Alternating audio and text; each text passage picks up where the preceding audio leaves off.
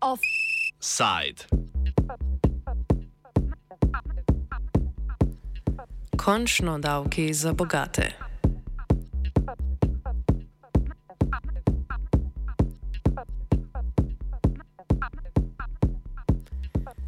Češki parlament je potrdil nov davek za banke in podjetja, ki se ukvarjajo z energetiko. Zakon uvaja 60-odstotno povišanje obdavčitve tistih dobičkov podjetij, ki presegajo 120 odstotkov povprečnega dobička teh podjetij med letoma 2018 in 2021. Podjetja, ki bodo na novo obdavčena po višji stopnji, bodo torej plačala običajen 19-odstotni korporativni davek na vse dobiček in 79-odstotni davek na presežen dobiček. Zakon mora sprejeti še zgornji dom parlamenta oziroma senat, davek pa bo v veljavi od leta 2023 do 2025. Po izračunih finančnega ministrstva bo državnemu proračunu nov davek samo naslednje leto prinesel 3 milijarde in pol evrov.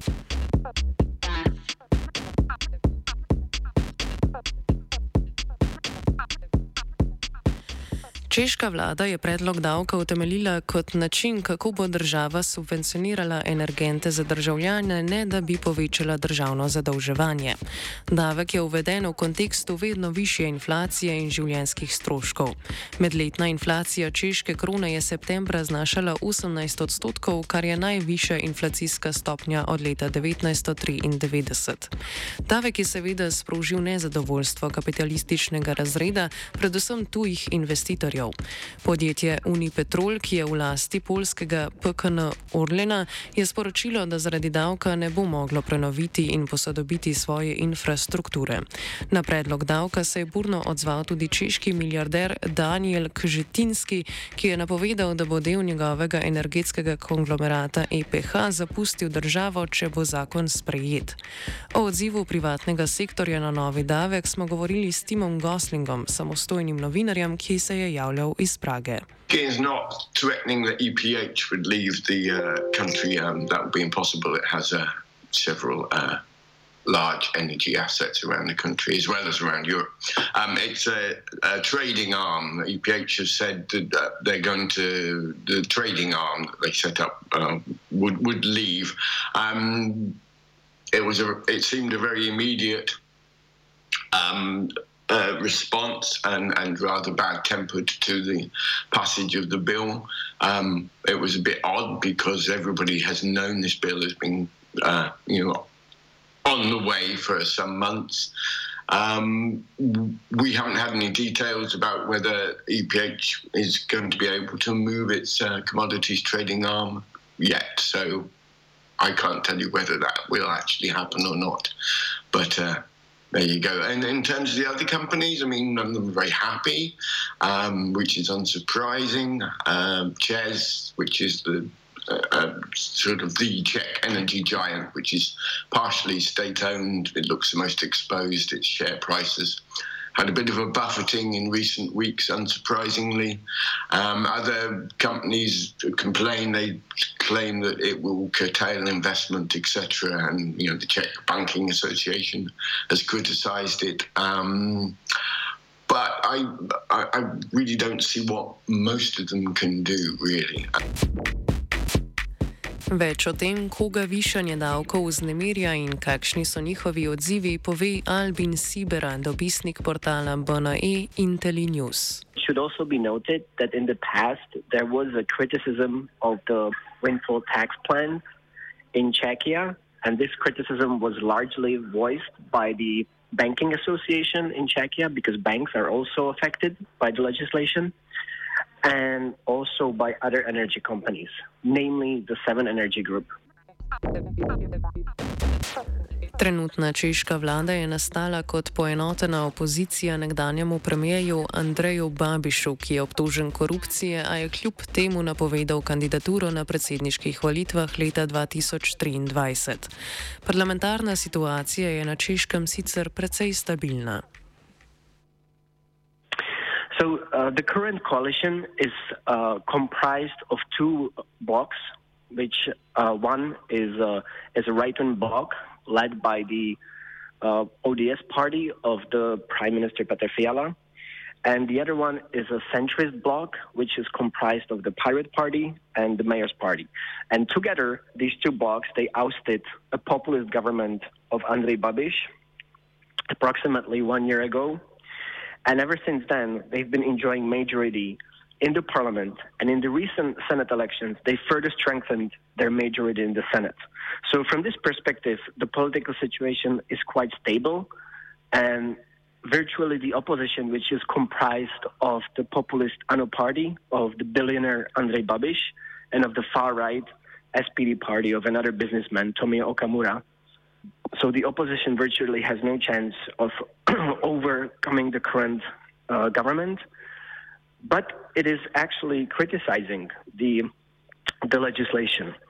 Uh, the former Minister of Finance, who was from the uh, party, from the populist party of Andrej Babiš, she was voicing concerns that more companies could leave Czechia, but so far her concerns have not really been reflected apart from the decision uh, that was made by e- uh, the trading branch of EPH.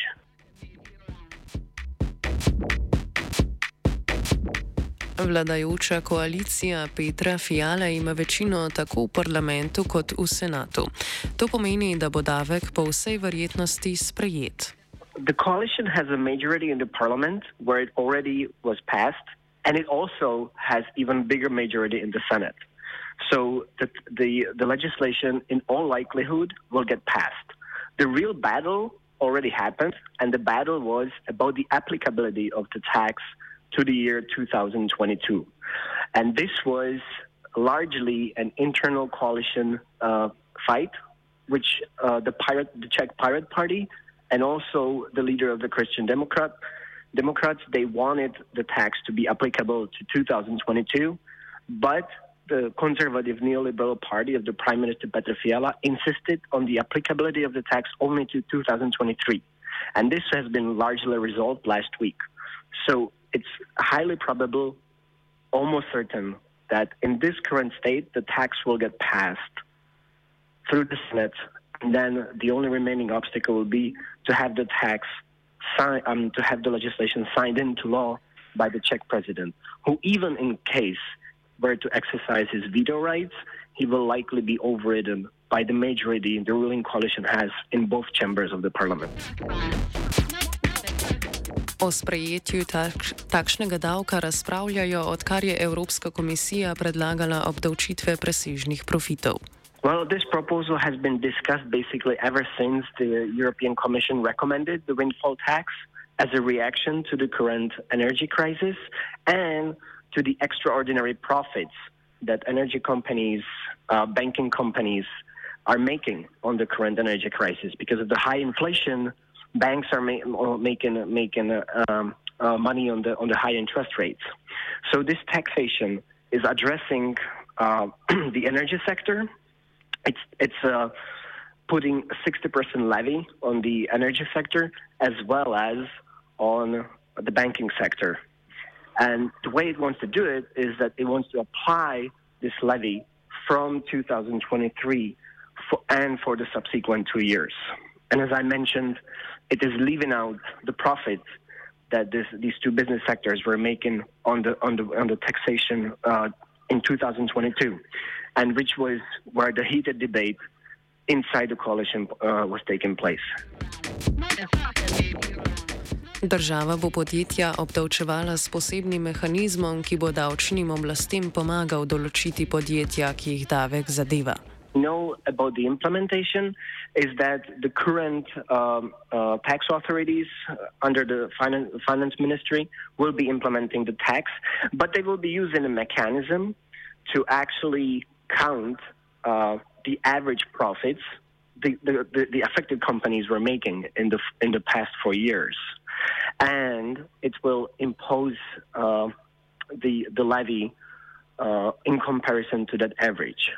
So that way they want to make to have an instrument which will clearly distinguish the, the regular profit that those companies were making in the past in the past before the energy crisis and the extraordinary profit they were making on, on the current energy crisis. Več o tem, da takšen davek ni nič zares nenavadnega in da Češka s tem upošteva priporočila Evropske komisije, pove Sibera. I think this is uh, nothing nothing strange. it is in line with uh, the European Commission recommendation. Also, the European Commission uh, set the minimal standard of 33% levy. So uh, perhaps uh, one could argue that the 60% uh, levy is a bit higher. But also, the, it should be noted that the European Commission did not put the the the the upper end, if I if I if I if I recall correctly. So I, I find I find this tax not to be any uh, any uh, uh, different from, from, from the from the EU standard. More, it, I think it, it's more like that the Czech cabinet is actually um, um, applying the EU standard to the to Czechia. What I find strange personally is that the levy is only applicable from the next year. And I think it should have been applicable to 2022 because most of the energy crisis has been taking place already in this year.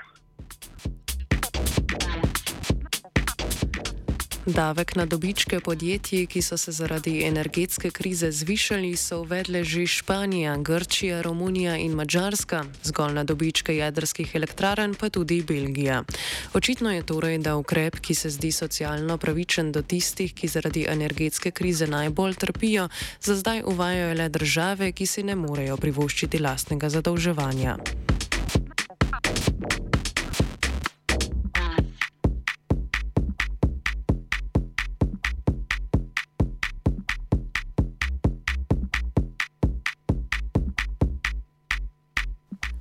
Offset je pripravil Peter Žiberna.